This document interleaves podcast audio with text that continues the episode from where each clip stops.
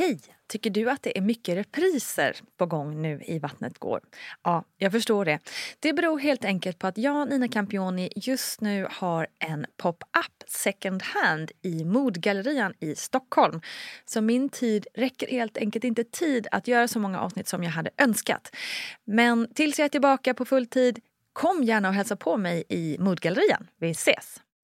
Det är, ett, det är ett, en tuff situation, absolut. Mm. Det ska man inte sugarcoata tycker jag, utan att man är beredd på att, att uh, det finns absolut en parameter av, av dåligt samvete för sitt framtida barn mm. som följer med en mm. um, för att man vill väl.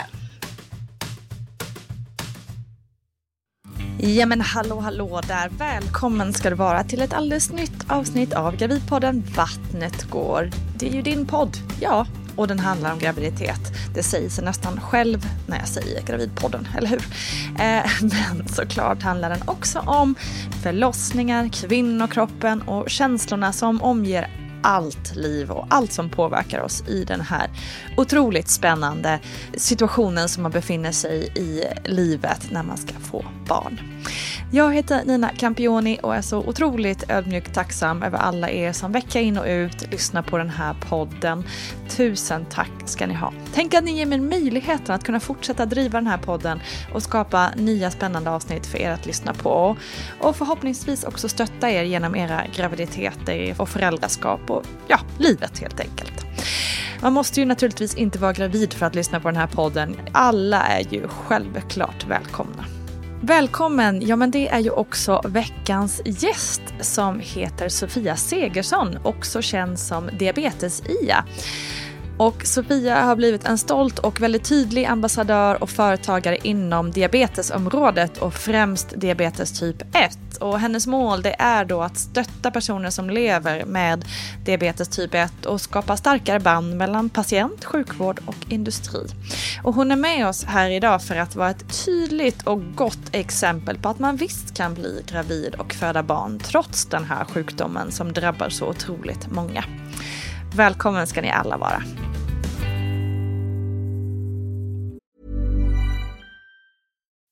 As humans, we're naturally driven by the search for better. But when it comes to hiring, the best way to search for a candidate isn't to search at all. Don't search, match with Indeed. When I was looking to hire someone, it was so slow and overwhelming. I wish I had used Indeed. If you need to hire, you need Indeed. Indeed is your matching and hiring platform with over 350 million global monthly visitors, according to Indeed data, and a matching engine that helps you find quality candidates fast. Ditch the busy work. Use Indeed for scheduling, screening, and messaging so you can connect with candidates faster. And Indeed doesn't just help you hire faster. 93% of employers agree Indeed delivers the highest quality matches compared to other job sites, according to a recent Indeed survey. And listeners of this show will get a $75 sponsored job credit to get your jobs more visibility at Indeed.com slash podcast. That's Indeed.com slash podcast. Terms and conditions apply. Sofia, när du var 15 år så förändrades ditt liv ganska eh, drastiskt, antar jag. Ja. Ehm, berätta. Ja, när jag var 15 så fick jag, eh, fick jag typ 1-diabetes. Och eh, det var mm. verkligen, det var ganska dramatiskt för att vi hade ingen erfarenhet av det här innan i min släkt, i min kompiskrets, i min närhet överhuvudtaget. Mm. Så att eh, jag hade jättetydliga symptom eh, kan man se så här i efterhand. Okay. Men vi kände ju inte till dem då. Um, Nej. Just det. Så att jag var, jag Vad var, var det för typ av symptom? Jag var 15, jag tappade 10 kilo på bara några veckor. Så jag såg ju eh, superduper tunn ut helt plötsligt. Um, vilket inte jag reagerade på annat än ett positivt sätt tack vare det samhälle vi lever i. Um, det. Utan det tyckte jag ju var, nu är jag på min, min peak i livet hittills. Just det. Ja. Men det tyckte inte mina föräldrar. Um, Sen så var jag väldigt trött och drack otroligt mycket. Alltså jag var så törstig. Um, kunde mm. dricka en sån här två liters vattenflaska utan att egentligen andas mellan um, klunkarna. Så att, mm. och, och därmed sprang på toa precis hela tiden. Just genom det. nätterna också. Uh, så att mm. det är ju de fyra väldigt vanliga symptomen när man insjuknar i typ 1-diabetes. Eh, och vi hade säkert tagit det tidigare om vi hade känt igen de här, men det gjorde vi inte. Nej, just det. Så att eh, nej, det, det hände rätt mycket där och det är ju en, i en period i livet där man kanske tycker att man är vuxen. Eh, vill klara sig själv Mm. och så helt plötsligt så blir man ganska beroende av ett stödnätverk igen. Mm. Eh, så att ja, nej, det, där hände ju någonting som, som verkligen förändrade förutsättningarna Mm. lite. Hur tog du den, eh, just det där som du säger, att man, man tänker 15 år, man är, man är stor nu liksom och man ska frigöra sig. Eh, hur, hur tog du hela den här omställningen? Ja, men alltså jag tror att de första dagarna var ju liksom katastrof. Det var ju, jag tyckte ju inte om sjukhus och jag behövde ju liksom ligga i den där sängen med mitt dropp. Och jag tyckte att livet var orättvist, att jag inte hade förtjänat det. Mm. Jag, för jag, jag, så som många andra, trodde ju att diabetes hade att göra med att man äter för mycket socker eller man tränar inte tillräckligt. Um, något som jag sedan dess har spenderat eh, min karriär åt att försöka få ut i samhället att det stämmer ju inte ehm, Mm. när det kommer till just typ 1-diabetes. Så att Mm. Eh, jag tyckte att det var jätteunderligt. Jag hade inte, jag hade inte gjort några fel. Ehm, men sen så dröjde det faktiskt inte jättelänge för mig innan jag insåg att om jag inte visste det här innan jag blev sjuk så måste det ju vara många som inte vet någonting. Eh, så då får väl jag bli den första som berättar för nästa som inte vet. Ungefär. Mm. Eh, Bra jag- inställning. ja, så här i efterhand så, så kan jag tycka att det var, det var oväntat klokt nästan. Ja, i en väldigt sån situation. Ja. Men jag, jag var ganska, jag var ganska osynlig och ganska osäker eh, som 15-åring. Den här eh, plugghästen som hade haft otur med kompisar och, och så. Så Mm. jag tror att jag hittade lite identitet i det här. Jag blev liksom, Just jag det. gjorde diabetesen till min superkraft på något sätt. Att Mm. det- det, visste jag ju att det skulle inte kunna finnas någon som sa att nej men du, du kan inte, jag har rätt här. För att jag visste att jag skulle alltid vara expert på det. Just Ehm, det. Så att, Coolt sätt att se på det, verkligen. ja, det blev lite min grej. Mm. Eh, apropå då att, eh, att det finns mycket liksom, felaktiga vad ska man säga, myter kring diabetes. Eh, kan inte du bara lite kort eh, förklara dels då eh, diabetes typ 1, skillnaden på det och typ 2. Eh, och också då liksom det här, för man tänker ju precis som du säger, så är det det här med om man äter för mycket socker Mm. eller att det finns det är, den ärftliga delen, att det liksom, ja, att det, har man inte det så är man liksom free, så att säga. Eh, alltså lite sådär. Eh, och, men du fick ju det ändå trots att du liksom inte hade det i din direkta familj. Sådär. ja, men vad, precis. vad, vad, vad kan man säga om det som är lite generellt sådär, som kan vara bra att känna ja. till? ja, men det får ju bli väldigt generellt. För jag är ju inte, jag är inte medicinskt utbildad. Så jag, jag slänger in disclaimer här om att eh, det anatomiska, det lämnar vi till någon som kan. Eh, Det kan vi men- göra, absolut. Men eh, typ 1-diabetes, det finns, det, så här, det finns flera olika typer av diabetes. Eh, typ 1 och typ 2 är de vanligaste, de man känner till mest. Sen finns det andra Mm. som LADA, MODY, eh, graviditetsdiabetes Ja, just, till exempel. såklart. Graviditet är Eh. bra att ta med i den här podden just. Men man ska veta Men de här det andra finns... två hade jag aldrig hört talas om. Nej, de Lada. är LADA och MODY. Det är andra varianter av som är, som är betydligt mindre och mer okända. Mm. Men, men Mm. värda att nämnas. Ehm, men den gemensamma nämnaren för alla diabetestyper det är ju att man har ett, ett lite för högt blodsocker helt enkelt. Just det. Mm. Och i typ 1 diabetesvärlden så handlar det om att min, min bukspottkörtel klarar inte av att pro- producera något eget insulin helt enkelt. Det är ett Mm. hormon som hos friska människor finns där och som reglerar när man äter någonting att, att sockret kommer in i cellerna helt enkelt. Att man kan tillgodogöra sig den energin. Ehm, hos en person med typ 1-diabetes så kommer inte det sockret in i cellerna för det finns inget insulin som kan göra det.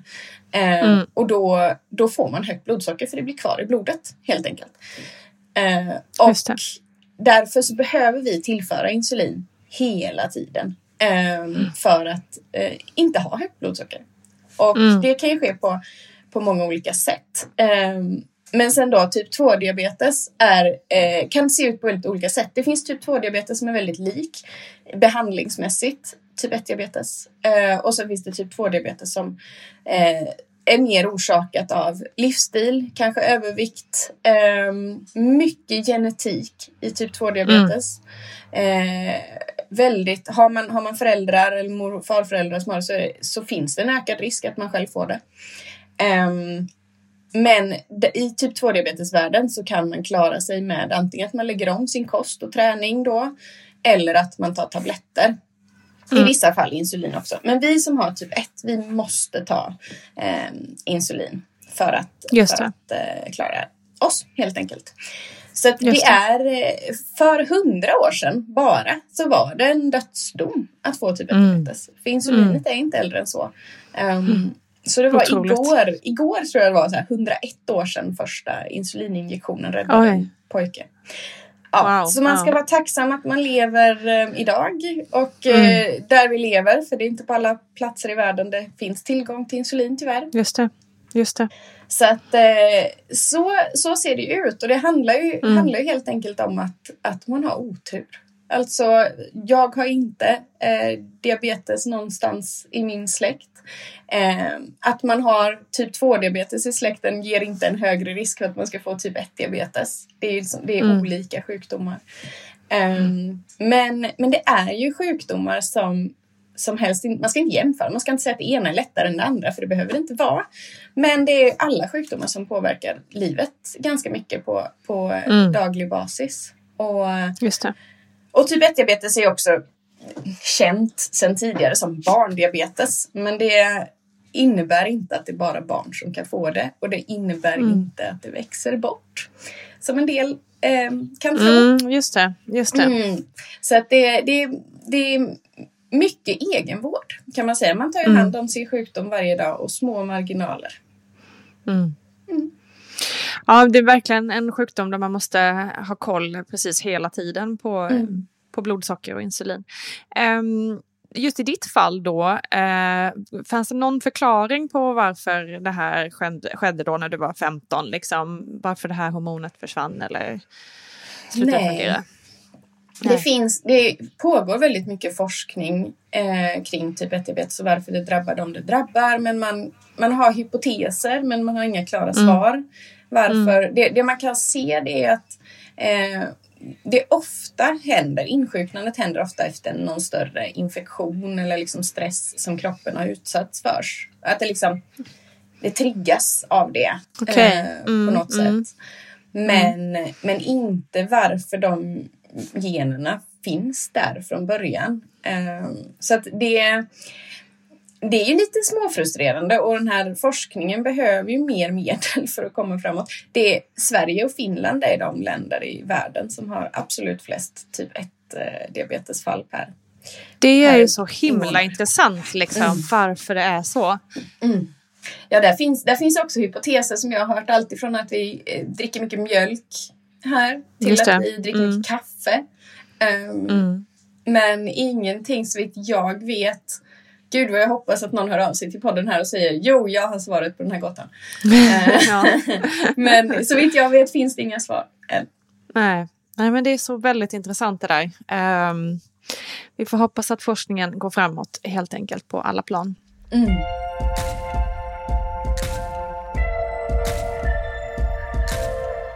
Men du, relaterat då till eh, en eventuell graviditet. Nu var ju du liksom 15 år när det här hände. Yeah. Men jag gissar att du i, när man blir äldre kanske bör få en tanke kring att bilda familj och sådär. Hur gick tankarna kring det? Ja, nej men jag har alltid varit väldigt barnkär. Eh, det tror jag att alla som har eh, varit nära mig i min uppväxt kan intyga. Jag har varit den som Eh, alltid velat sitta barnvakt. Alltid velat följa med till BB när en ny, ny familjemedlem mm -hmm. eller eh, ens, ens långt bort släktmedlem har, har kommit till världen. Eh, burit runt på mina småkusiner så länge jag orkade ungefär. Eh, så att jag har alltid velat eh, ha barn. Och sen träffade jag min man eh, 2018.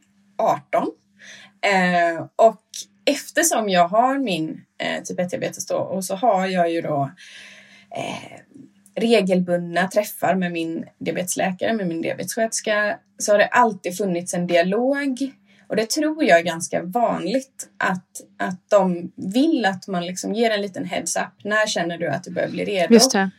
Just då tar vi den diskussionen då. Um, mm. Ja, nej men så, och, och hela den situationen kan ju se väldigt olika ut beroende på var i, i Sverige man bor om man försöker vara lite generell i hur man... Men, men generellt sett så brukar ju läkarteamet i ett diabetesteam vilja ha lite koll på när de mm. planerna finns. För när man mm. har typ 1-diabetes så är det, det, det är egentligen inga problem men det kanske inte att föredra att bli liksom oplanerat gravid.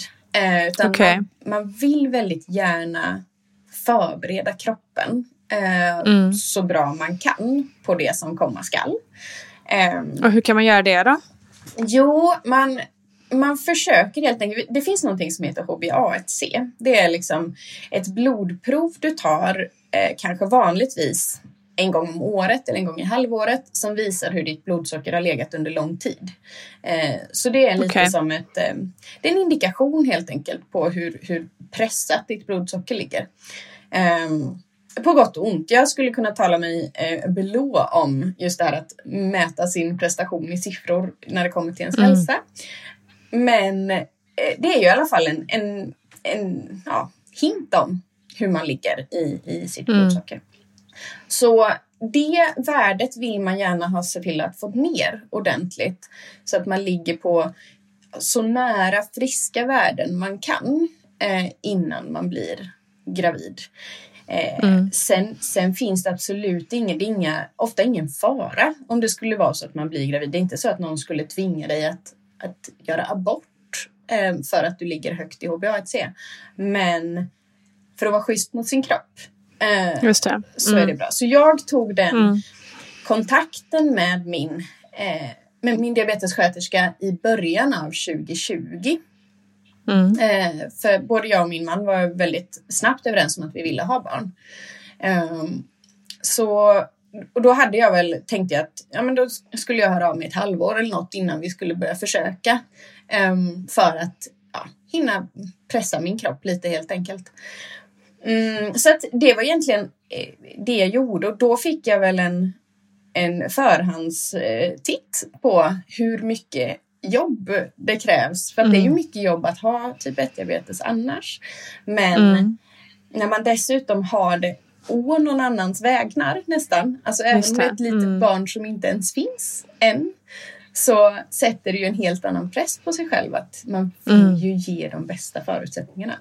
Mm. Eh, så det var ett, ett halvår av eh, mer koll på, liksom, inte egentligen några större föränd stora förändringar. Jag åt inte annorlunda. Jag tränade kanske lite mer, men inte något sådär enormt.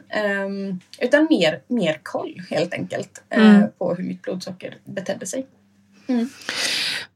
Och fanns det liksom skapade det hela, alltså apropå det där att man har liksom en annan att ta hand om, skapade det liksom rädslor i dig? Um, och mycket liksom någon oro kring det här? Oh ja. Alltså jag mm. skulle säga att det finns en bild idag Eh, i diabetessamhället att det är väldigt tufft, väldigt svårt att skaffa barn med typ 1-diabetes. Och mm. eh, det är därför jag försöker vara väldigt öppen med det här. Att jag tycker absolut inte att det är en omöjlighet på något sätt. Mm. Det jag försöker liksom vara lite noga med att poängtera det är att den mentala biten tyckte jag var mycket tuffare än den kroppsliga mm. biten.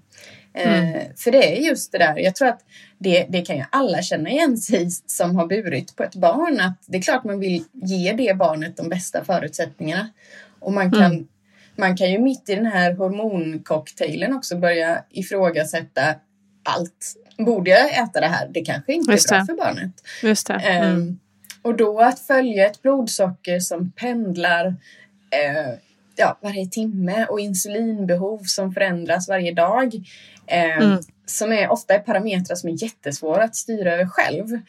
Det är, ett, det är ett, en tuff situation, absolut. Mm. Det ska man inte sugarcoata tycker jag, utan att man är beredd på att, att eh, det finns absolut en parameter av, av um, dåligt samvete för sitt framtida barn mm. som följer med en um, för att man vill väl. Såklart. Ja, det känns som en, eh, jag förstår det är en, extra level för någon med, med en sjukdom men, eh, men verkligen en universell känsla som jag tror Precis. alla kan känna igen sig i. Ja, verkligen. Men du, när du väl eh, blev gravid, eh, berätta först, hur var det? Och, och kissa på sticka och ja. vidare? känslan? Jätte... Alltså grejen är att jag, jag tänkte nog att jag ska vara ganska chill med det här. det, det, det tror jag också många känner igen sig i. Att här, men, jag hade ingen anledning att egentligen varken tro att det skulle gå eller att det inte skulle gå. Vi hade inga liksom, tidigare erfarenheter av, jag har inte varit gravid förut. Um, men jag tror att det tog två månader av att vi inte lyckades. Och sen var jag ju helt fast i det här. Alltså jag mm. följde ju ägglossningen med stickor och jag hade ju bokat tid för liksom utredning om fertilitet. och så här i mm. efterhand så blir det ju nästan komiskt. Men det var fattar. inget komiskt där och då. Då nej, var man ju nej, nej, helt i det där att man blir Jesus, vad händer? Men eh, nej, så det, det, tog, det tog tre månader. Eh, så mm. när jag skulle ha varit på den här fertilitetsutredningen då, då plussade jag. Um, så att det, det gick ju oförskämt snabbt. Um, mm. Och, och uh, tror, tror nog att jag hade räknat med att det skulle ta längre tid egentligen. Um, för det, det får man ju, man stålsätter ju sig för att börjar vi nu så kan det ta ett år innan det händer. Just det. Så. Mm. Um, och jag vet, jag hade, jag hade plussat typ tre dagar efter vi hade signat på vårt nya hus. Um, wow! Som låg Mycket. liksom... Ja, det låg liksom mitt, ligger, ligger mitt ute i skogen. Um, Okej, och då vet jag att jag sa det till min man, jag bara nej nej vi måste dra tillbaka det här. Vi kan inte, jag, jag måste bo nära sjukhuset. Liksom, om något, och, sådär. och han bara nej, du kommer aldrig, vi kommer inte få till en flytt efter det har kommit ett barn. Liksom, då kommer vi vara fast i den här lägenheten ett tag. Klokt. väldigt klokt. um, nej men så det, var, det var ju väldigt omvälvande. Sen var det ju en väldigt det var en tråkig tid att vara gravid ska jag säga, för det var ju mitt i corona. Um, mm, just det. Så att jag... Eh, det, det kan jag se tillbaka på med en sorg idag lite grann. Att jag kunde mm. inte ha någon... Eh, jag har nästan inga liksom, bilder på eh, mig och kompisar där jag har en mage. Jag har liksom inte, han kunde knappt träffa min Just familj. Eh, mm. Så det kändes nästan som vi försökte dölja graviditeten lite grann. Eh, och, och det, var ju lite, det var ju lite tråkigt. Mm. Um, mm. Såklart. Men utöver det så tycker jag att det var en väldigt, det var en väldigt häftig eh, upplevelse. Um, och för mig var det viktigt att försöka separera sjukdomen från graviditeten. Um, mm. För det är ju otroligt lätt när det blir så mycket mer kontroller. Jag hade ju avstämningar varje vecka. Um, man har ultraljud, jag vet inte. Jag vet faktiskt inte vad standard i Sverige är om man inte har någon sjukdom, men det är typ två ultraljud. Alltså två, ja, ja. precis. Mm. Jag tror jag hade åtta i alla fall, eller nio. Mm. Um. Så att det blir ju um, det blir mycket mer kontroller och det får ju mm. tidvis det att kännas som att det, kan, det är inte bara en kul, häftig, livsomvälvande resa. Det är också, det, det känns som en, en ytterligare sjukdom nästan. Just det. För att det mm, är så mycket sjukhus och det är så mycket mm. prover. Um, mm. Så för mig var det viktigt att verkligen försöka se det ena som sjukdomen, det andra som det här roliga. Um, sen det låter också jag, klokt att försöka dela på det. Ja. Sen har ju jag en, en, en till kronisk sjukdom som heter ulcerös kolit som ställer till det för mig mitt under graviditeten när jag var tvungen att... Eh, och det är en, en, en tarmsjukdom då. Som, mm. Hur påverkar som, den? Den påverkar inte mig så mycket vanligen. Den kommer och går i skov när man har väldigt, ja, man har väldigt, väldigt ont i tarmarna helt enkelt. Mm. Um, mm. Och kan gå ner mycket i vikt och svårt att äta och lite så. Um, och tyvärr så drabbade ju ett sånt här skov mig stenhårt då, mitt under mm. graviditeten. Där man hade hoppats det att man skulle Jag tänker sitta. det måste också påverka liksom, alltså naturligtvis skitjobbigt i vanliga fall men dubbelt så jobbigt att man är gravid dels och också då med mm. diabetesen att det är så viktigt att liksom äta balanserat och Ja men precis och, och, och ehm, sen är det ju så att ett sånt skov det häver man med en ordentlig kortisonkur Mm. Jag gissar att man är relativt försiktig med att sätta in kortison på gravida kvinnor mm. överhuvudtaget. Mm. Men dessutom är ju kortison en, en medicin som verkligen ställer till det för blodsockret. Um, mm, okay. Och förutsättningen egentligen när man är gravid med typ 1-diabetes det är ju att man behöver hålla blodsockret ännu mer pressat eh, som, mm. äh, än vad man vanligtvis gör. Eh, mm. Så det blev ju ytterligare en parameter i den här väldigt komplexa ekvationen att lösa mm. varje dag. Eh, så, och jag vet, jag, jag pratade lite med min, min eh, fantastiska eh, sköterskekontakt här innan podden för att jag behövde lite, lite liksom yrkeskompetens på, på benen inför. Och hon sa att den här första perioden när man är gravid, blodsockermässigt är det som att ha PMS och ägglossning varannan dag. Ungefär. Oh, shit. Ja. Ah, och det tycker jag var bra, för det kan man liksom relatera ah. till. Att mm, vilket, vilket vrak man känner sig som. Liksom. Mm, mm. Eh, så att det, det är ju en, det var ju verkligen en, en resa. Mm. Och sen ska nämnas att det finns otroligt bra hjälpmedel idag. Alltså jag har ju en insulinpump och jag har en, en eh, kontinuerlig glukosmätare. Uh, och det är ju egentligen, det är två pluppar som sitter på mig om man ska försöka Just förklara det. så alla förstår. Mm. Som, som pratar med varandra. Det mäter blodsockret mm. hela tiden och pumpen doserar insulin. Och sen behöver jag mm in och peta i liksom algoritmen så att alla kvoter stämmer och så. Och sen mm. ta insulin när jag äter något. Så det är egentligen det. Så man ska verkligen ha all respekt i världen för de som har gått igenom en sån här resa innan den tekniken fanns. Ja, oh, Jesus alltså. För det finns jättemånga kvinnor med typ 1-diabetes som har varit gravida genom alla år. Mm. Um, mm. Så att, uh, ja, verkligen mina idoler, liksom, att ha lyckats med det. Eh, är ju det. otroligt, verkligen. Mm. Jag tänker förutom det här, liksom, nu beskrev ni ju det väldigt bra du och din eh, sköterska här då med att man känner det som att man har PMS och ägglossning typ hela tiden. Eh, var det något annat i, eh, i den här liksom nio månader långa resan där du liksom rent fysiskt kunde känna att, eller, och liksom i det då förstå att det här är nog diabetesen som gör att, att man mår lite så här. Eh, alltså om man jämför med en, en, en inom en, liksom, quotes vanlig graviditet. Mm, ja, men jag tror, jag tror framför allt, alltså jag tror att när många, när många tänker graviditet och diabetes då tänker de väldigt stora bebisar. För det, det finns ju mm, en, dokumenterad, en dokumenterad risk. Um, mm. Sen har inte den bara med blodsockret att göra utan mycket genetik och andra parametrar också. Men, men den det spelade ju klart in på mig att varje gång jag kände att magen liksom, ja nu är den större. Så tänkte jag, nu har jag en Just jättebebis. Eh, ska jag liksom lyckas klämma ut en vattenmelon? Hur ska det gå? Eh, så, så att den, den rädslan fanns, fanns ju liksom med mig. Eh, mm. Och jag tror också eh, inför förlossningen, eftersom det var i coronatider, um, mm. så fanns det inget, det var inte givet att min man skulle få vara med. Om det Just skulle det. vara så att han visade minsta symptom på förkylning. Mm, mm. Uh, och det kommer vi ju till, men det är ju otroligt viktigt med diabetes. Uh, alltså hur ja. man sköter blodsockret under förlossningen. Så den mm. rädslan hängde ju med under hela Just graviditeten. För det var lite hans uppgift kanske att ha koll på ja. dina nivåer där då under förlossningen. Mm. Precis, så är det ju. Just det. Och kan vi också, jag tänker, eh, eh, diabetes, eh, personer med diabetes har ju också snackats om i just covid-tider som en riskgrupp. Mm.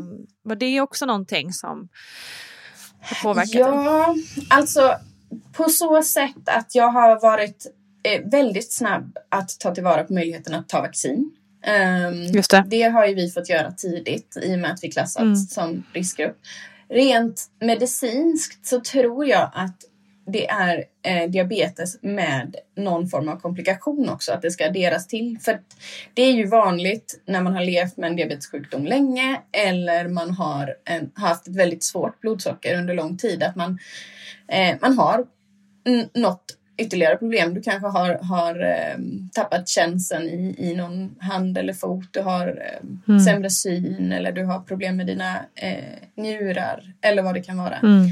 Mm. Eh, så där tror jag att det har, den riskgruppsbedömningen har nog mer skett på eh, nivå att om du har diabetes och ytterligare det, okay. någon komplikation. Men jag, när jag var gravid så tog jag, drog jag absolut liksom, nytta av i form av att kunna hålla mig skyddad och kunna mm, ta vaccin mm. um, så fort jag fick. Liksom. Mm, mm. jag förstår.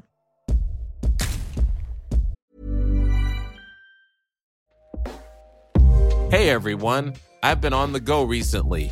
Phoenix, Kansas City, Chicago. If you're like me and have a home but aren't always at home, you have an Airbnb. Hosting your home or a spare room is a very practical side hustle. If you live in a big game town, you can Airbnb your place for fans to stay in. Your home might be worth more than you think. Find out how much at airbnb.com/slash host. As humans, we're naturally driven by the search for better. But when it comes to hiring, the best way to search for a candidate isn't to search at all. Don't search, match with Indeed. When I was looking to hire someone, it was so slow and overwhelming. I wish I had used Indeed. If you need to hire, you need Indeed. Indeed is your matching and hiring platform with over 350 million global monthly visitors, according to Indeed data, and a matching engine that helps you find quality candidates fast. Ditch the busy work. Use Indeed for scheduling, screening, and messaging so you can connect with candidates faster. And Indeed doesn't just help you hire faster. 93% of employers agree Indeed delivers the highest quality matches compared to other job sites, according to a recent Indeed survey. And listeners of this show will get a $75 sponsored job credit to get your jobs more visibility at Indeed.com slash podcast. That's Indeed.com slash podcast. Terms and conditions apply.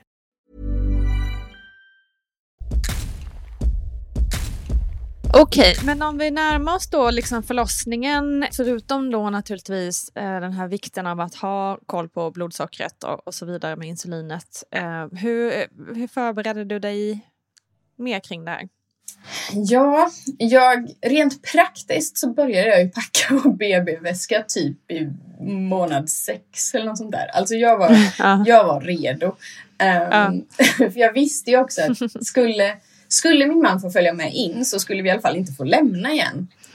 Um, Just det. Och en mm. av de viktiga grejerna är att se till att man har mycket eh, socker, mycket snacks mm. med sig um, till en sån här, eh, en sån här eh, sak.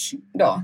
Och, och sen ska jag väl säga så att jag, förlossningsvården ser ju så otroligt olika ut på olika ställen eh, i landet. Och jag kan ju bara svara för min upplevelse på eh, Ryhov i Jönköping. Eh, mm. Där jag var, jag var jättenöjd. Men det är en, en... Eh, det är mycket ansvar som faller på mig som föderska när man har eh, en sjukdom också med sig. Då. Mm. Eh, jag parerade ju många olika vårdinstanser under graviditeten. Det var mödravården och specialistmödravården och diabetesmottagningen och mag och tarmmottagningen. Och sådär. Mm.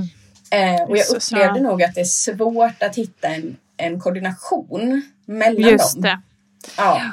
Man måste vara sin egen vårdassistent. Mm. Um, och det är ju en problematik som är verkligen överlag i sjukvården ja. eh, i hela landet. Att man hela tiden måste själv eh, Precis.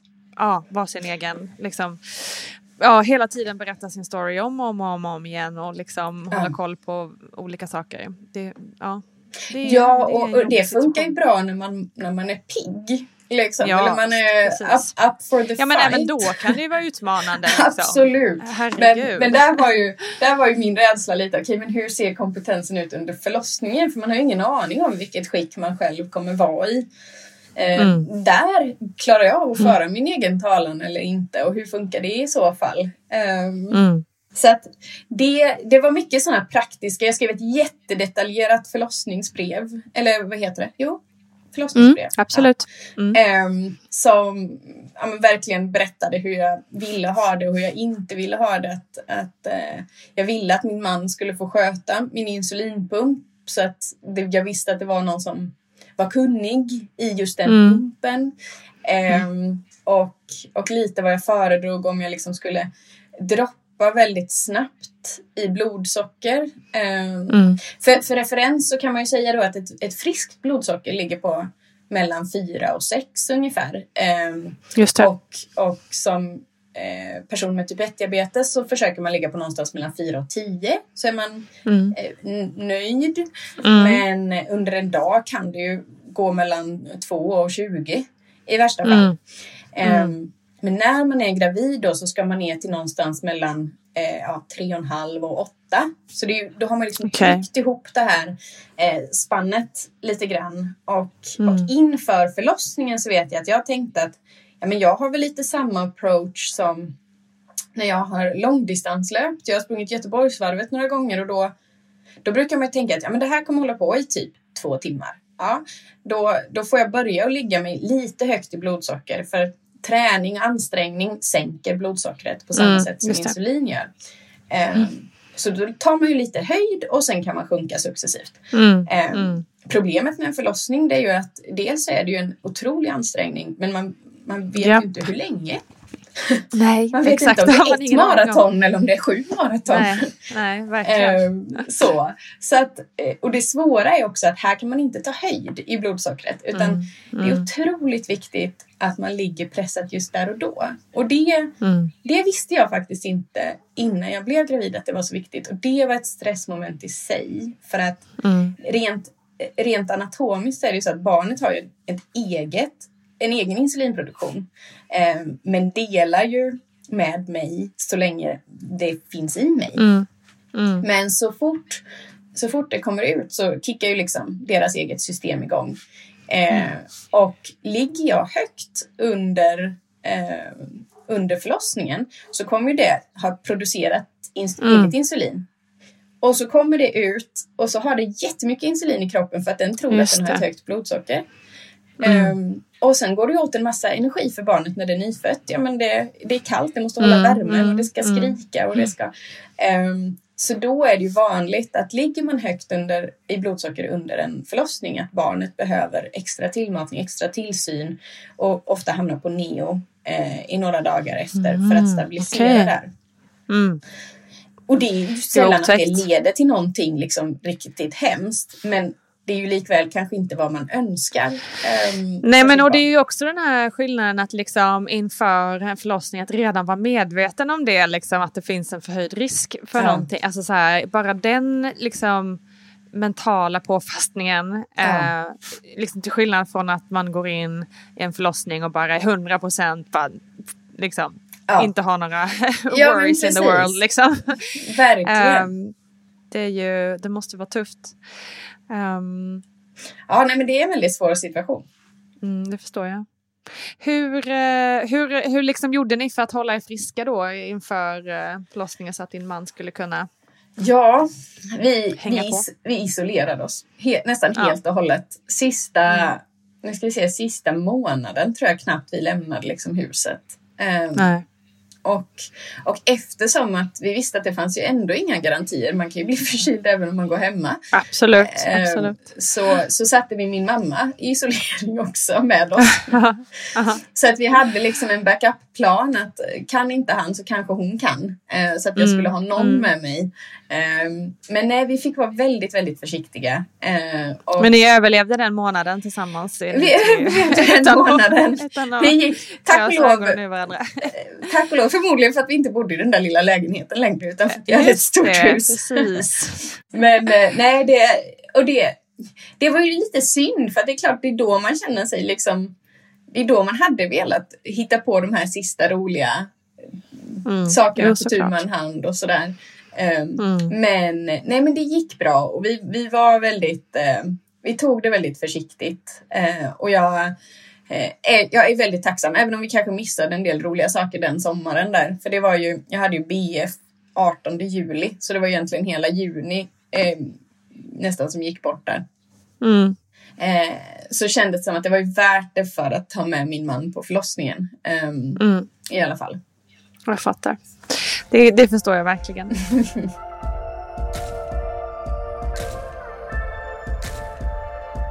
Ska vi ta oss till när det började dra igång alltihop då? Ja, jo men alltså med, med typ 1-diabetes får man aldrig gå över tiden.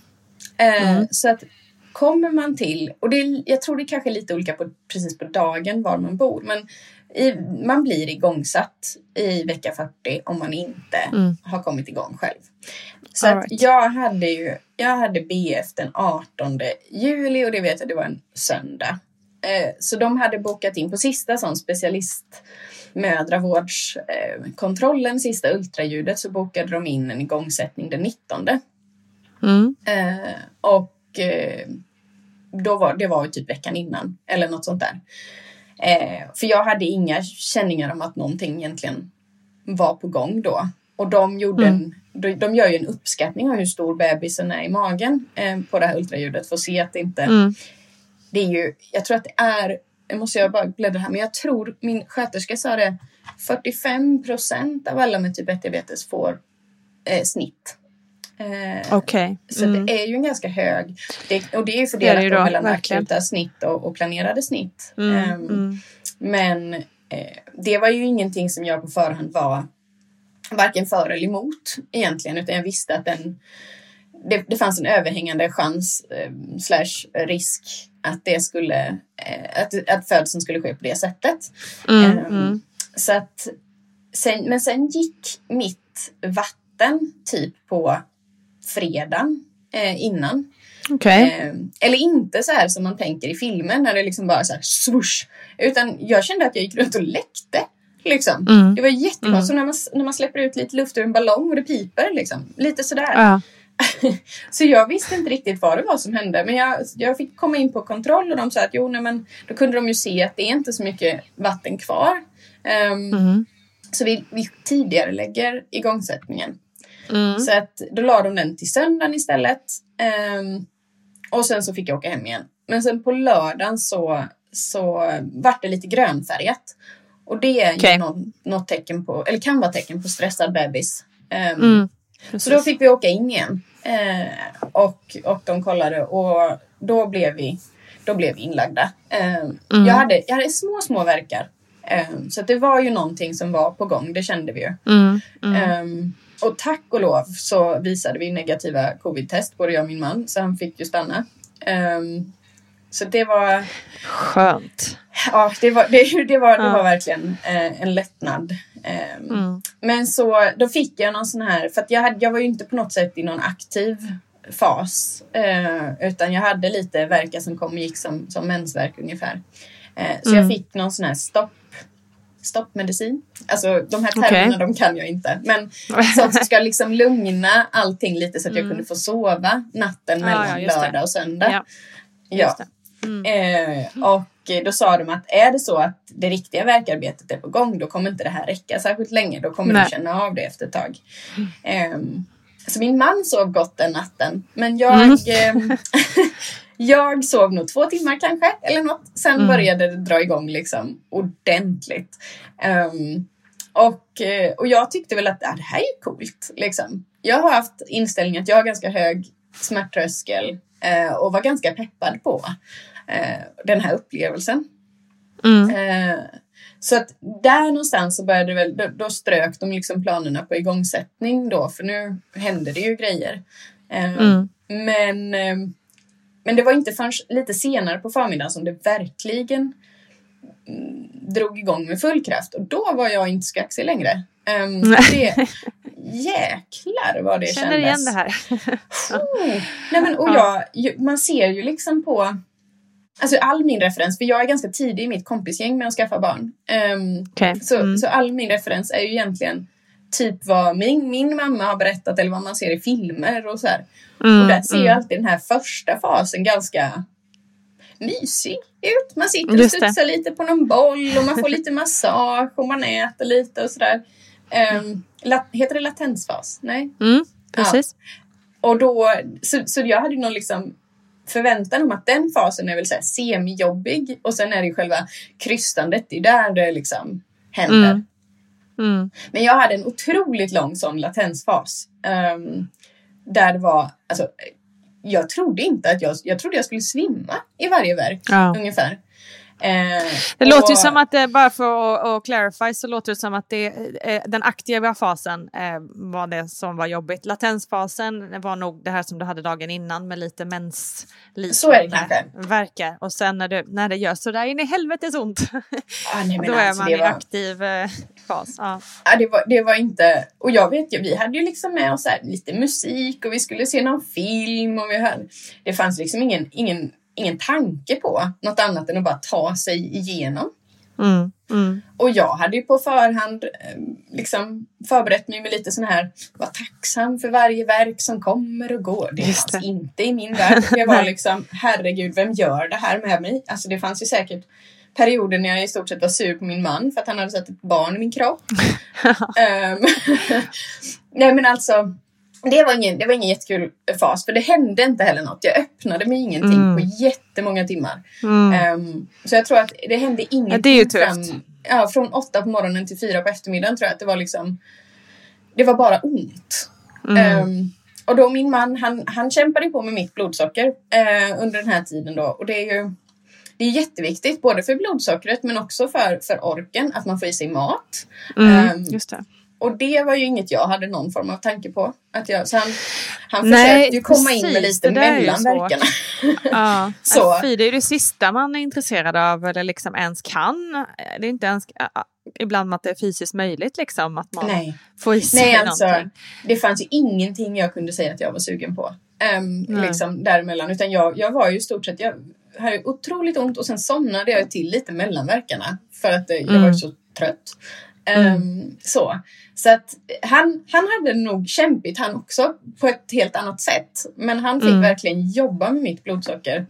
Um, och, och jag skulle ju också säga, ja, jag har ju, han har ju tagit lite anteckningar och liksom fört lite sådär och jag har kollat min journal för att jag har inte haft koll på hur, hur min, mitt blodsocker riktigt såg ut um, under den tiden för jag hade fokus på annat. Mm. Så det, det Men då måste väldigt... jag också fråga då, apropå det här med sjukvården, för då är, det är liksom, låt säga att man kommer in och är ensam, men mm. då, är, då måste de väl ha, sätta någon slags eh, sköterska eller någonting på att ha koll alltså, på jag det, tror, eller? Jag tror att det ser, det ser väldigt olika ut i olika regioner. Uh, jag vet att det finns de som alltid har en dedikerad diabetessköterska som är med. Uh, mm. Men det är väldigt ovanligt, tyvärr. Mm. Uh, alltså, BB-personalen har ju självfallet grundkompetens. Mm, och de vet mm. ju att okej, okay, men en person med diabetes, vi ska kolla blodsockret så och så ofta. Men de kan inte de kan inte min insulinpump, de kan inte mina Nej, doser. De är inte experter på det liksom. Nej men precis. Och, och det där tycker jag är synd. För hade man gjort en insats där, hade man sett till att det fanns en som kan diabetes, som kan sköta det. Så tänker mm. jag att om man nu vill se det ur de helt ekonomiska brillorna också så hade man ju sparat förmodligen tid på neo för många barn om man hade kunnat ja, få till bra blodsocker under en förlossning istället. Ja, verkligen. Men eh, nej, så vi hade väl ingen, vi hade ingen som riktigt kunde diabetes på plats. Mm. Eh, däremot så vet jag att det fanns jourläkare i huset som kom från specialistmödravården då, inte, inte från diabetesmottagningen, eh, men, men som hade mer kompetens. Eh, mm. Men nej, jag vet i ärlighet, alltså helt ärligt inte riktigt hur jag hade klarat det om jag hade behövt föda själv. Eh, mm. För jag var ju otroligt beroende av att min man eh, kunde sköta mitt, mitt mm. blodsocker. Mm. så att ja, nej, det var, det, det finns stora problematiker där. Ja, det förstår jag. Det, det är en oro för många tror jag. Ja, gud ja, herregud. Men hur, eh, hur så här, liksom, när ni har gått igenom, hur skötte han sig då på, hur höll sig blodtrycket? Eller blod, blodsockret? eh, alltså jättebra. Det, mm. det var över all förväntan. Eh, inte för att jag riktigt vet vad någon av oss förväntade oss, men eh, det, det, låg, det låg jättebra. Jag hade en liten peak där jag steg eh, sent under förlossningen. Men det var nog liksom, för blodsockret, för att liksom addera ytterligare en parameter in i det här så kan ju blodsockret reagera starkt på både adrenalin och smärta. Mm. Um, och det är ju väldigt svårt att parera för, för det kan man inte riktigt ja, mäta. Visst. liksom. Nej. Um, så att det, det var väl väntat att det skulle dra iväg lite grann. Uh, men, men det gick det gick verkligen över förväntan och vi behövde inte ligga på neo någonting efteråt. Eh, Ja, så, att, så det var väldigt bra. Men, eh, men nej, det var tufft där i mitten.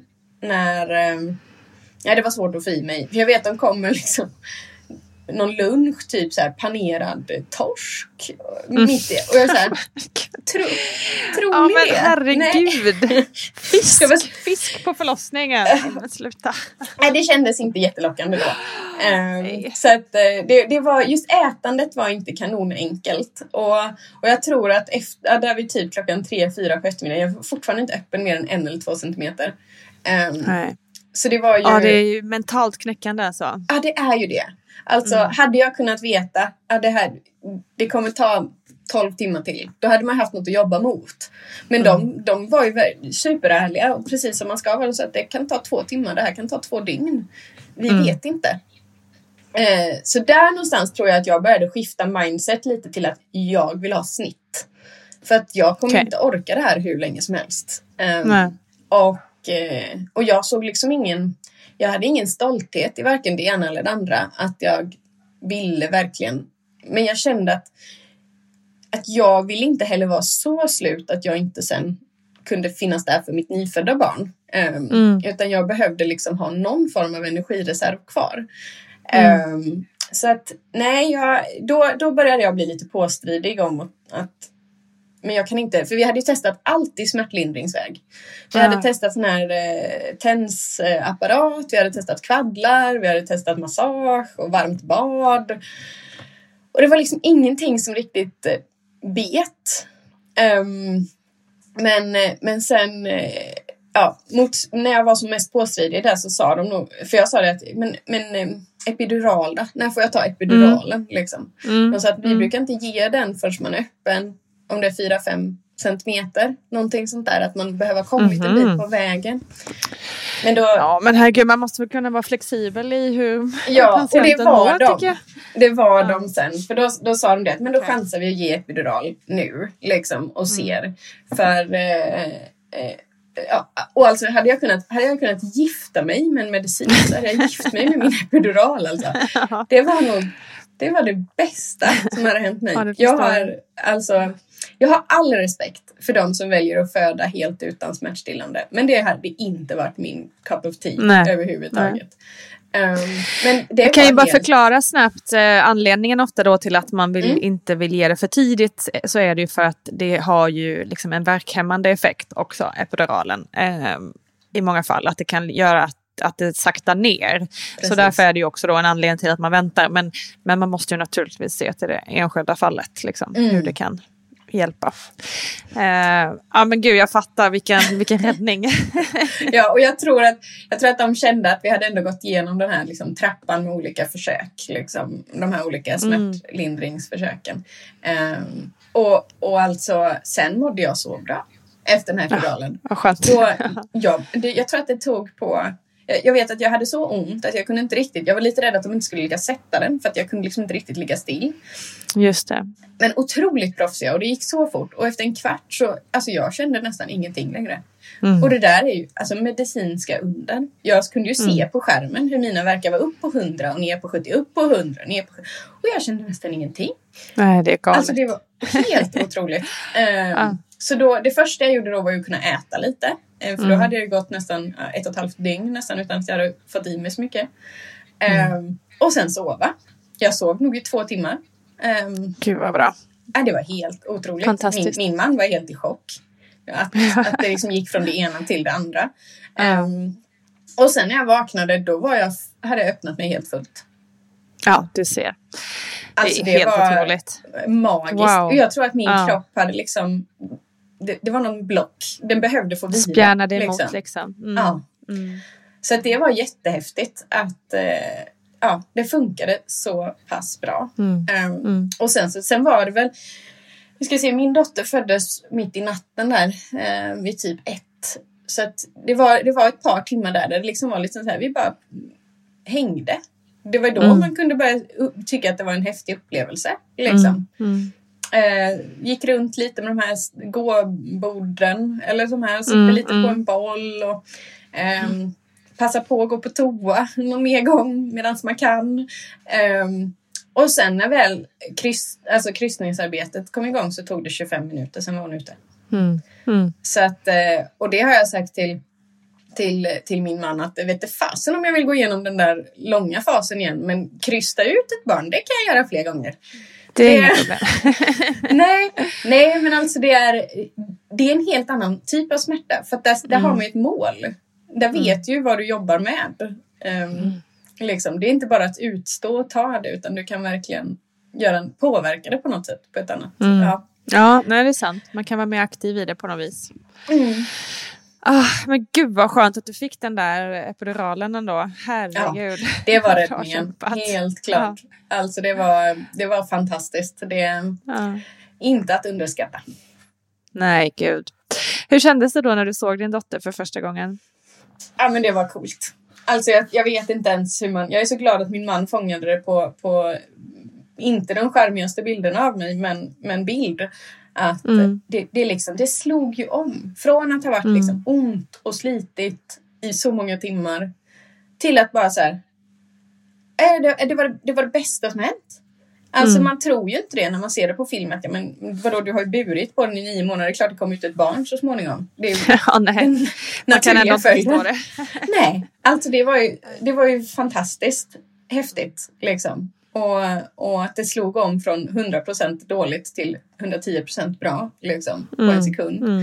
Eh, det var jättehäftigt. Och hon kom ut och hon var liksom eh, frisk och pigg direkt. Ehm, Gud och vägde, de hade uppskattat att hon skulle väga drygt 4 kilo så jag var ju lite sådär nervös på men hon vägde 3,3 Mm. Eh, och och ehm, ja, nej, det var, det var det är jättesvårt att sätta ord på.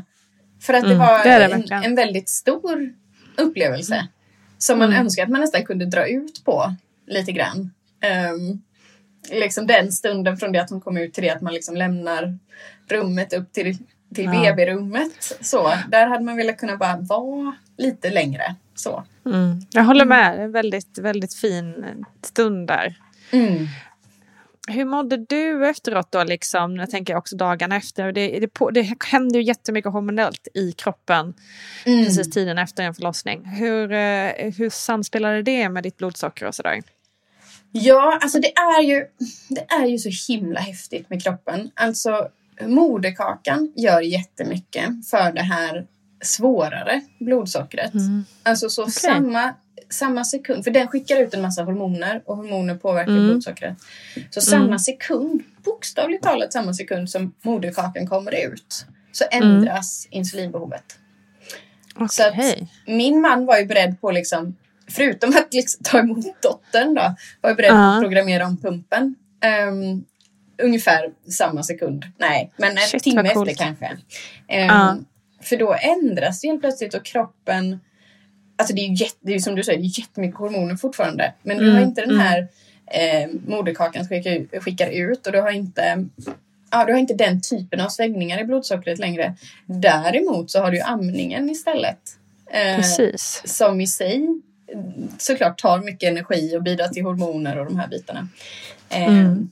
Så jag, jag, skulle, jag skulle vilja säga att jag fysiskt var jag lite sliten de första dagarna. Eh, diabetesmässigt så tror jag att jag ganska mycket bara sket i det. Ja. Men för mig var det lite en detox att nu har jag inte ett barn i mig längre. Det är okej att jag ligger högt i blodsocker. Eller lågt i blodsocker. Just det, ja, ja, ja, för det påverkar bara dig just nu. Liksom. Ja, jag tänker att det är Ja, lite på det. samma sätt som en del så här, ja, men äter sushi på BB. Ja, Liksom. Just det. För Ja. att det är så här, nu kan jag. Inte för att man Exakt. kanske var jättesugen, men det är lite mer så här, bara för Mm. att grej. Mm, mm. Skönt att bara Ehm. släppa det en liten sekund, liksom en liten stund.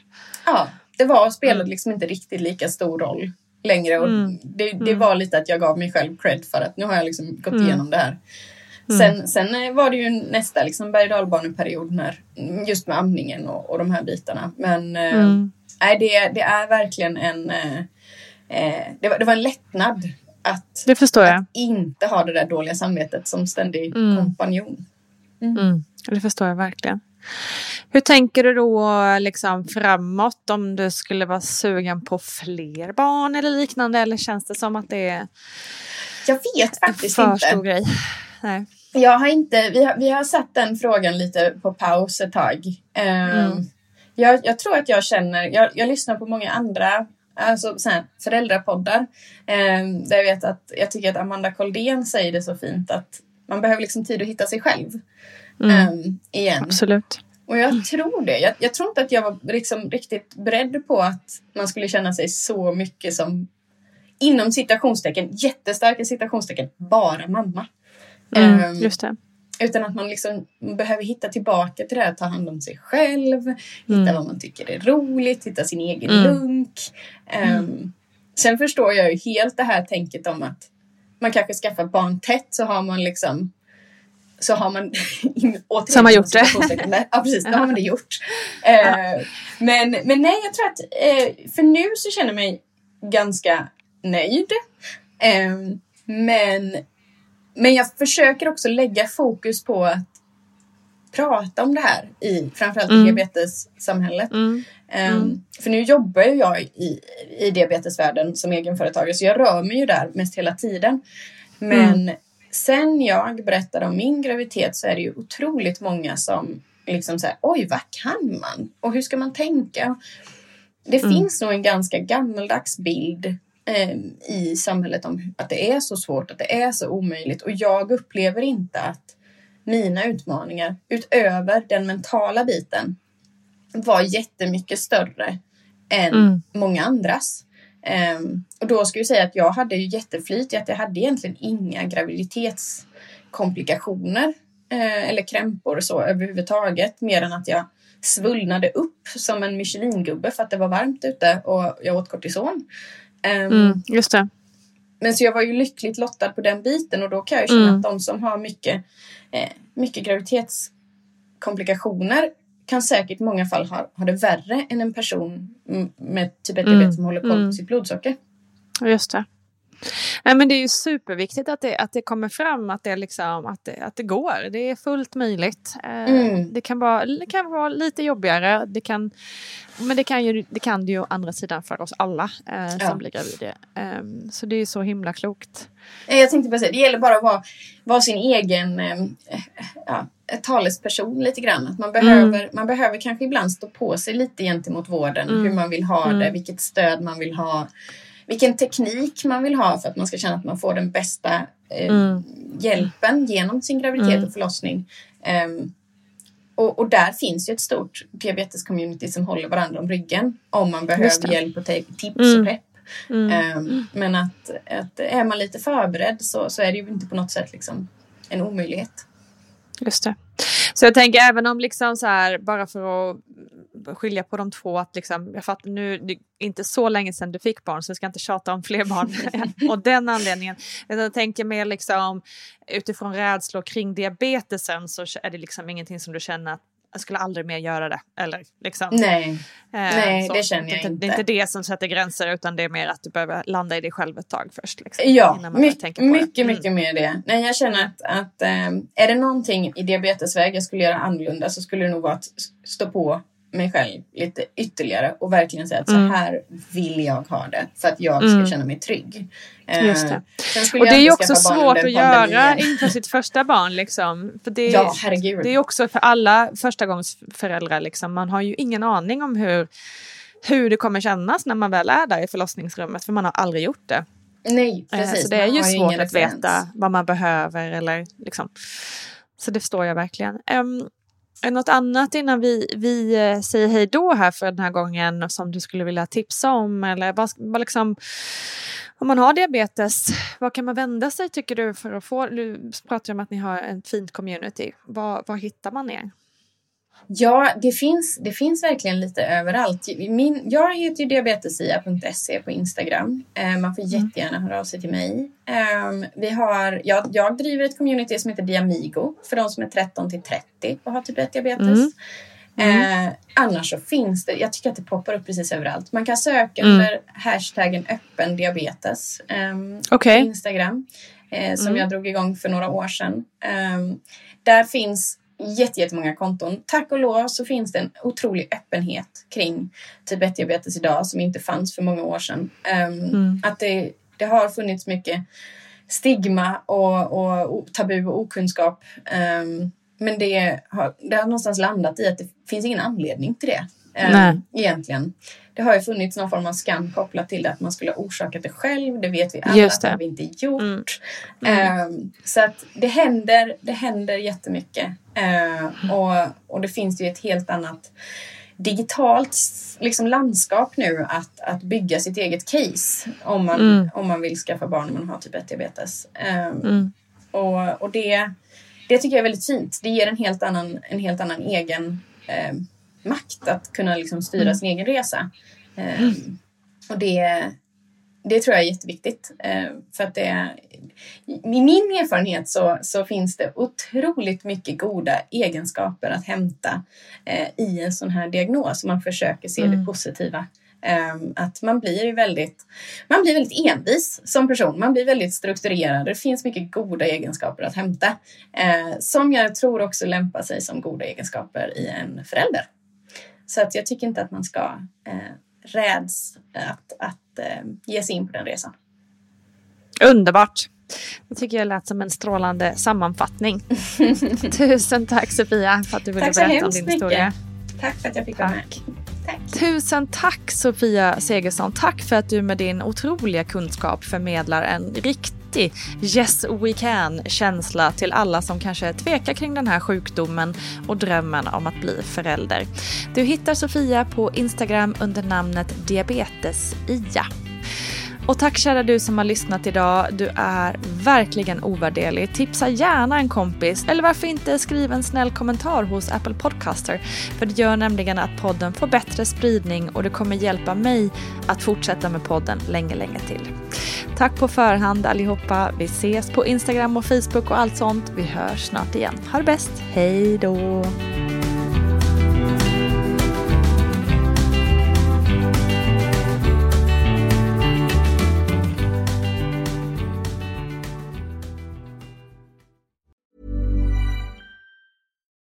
As humans, we're naturally driven by the search for better. But when it comes to hiring, the best way to search for a candidate isn't to search at all. Don't search, match with Indeed. When I was looking to hire someone, it was so slow and overwhelming. I wish I had used Indeed. If you need to hire, you need Indeed. Indeed is your matching and hiring platform with over 350 million global monthly visitors, according to Indeed data, and a matching engine that helps you find quality candidates fast. Ditch the busy work. Use Indeed for scheduling, screening, and messaging so you can connect with candidates faster. And Indeed doesn't just help you hire faster. 93% of employers agree Indeed delivers the highest quality matches compared to other job sites, according to a recent Indeed survey. And listeners of this show will get a $75 sponsored job credit to get your jobs more visibility at Indeed.com slash podcast. That's Indeed.com slash podcast. Terms and conditions apply.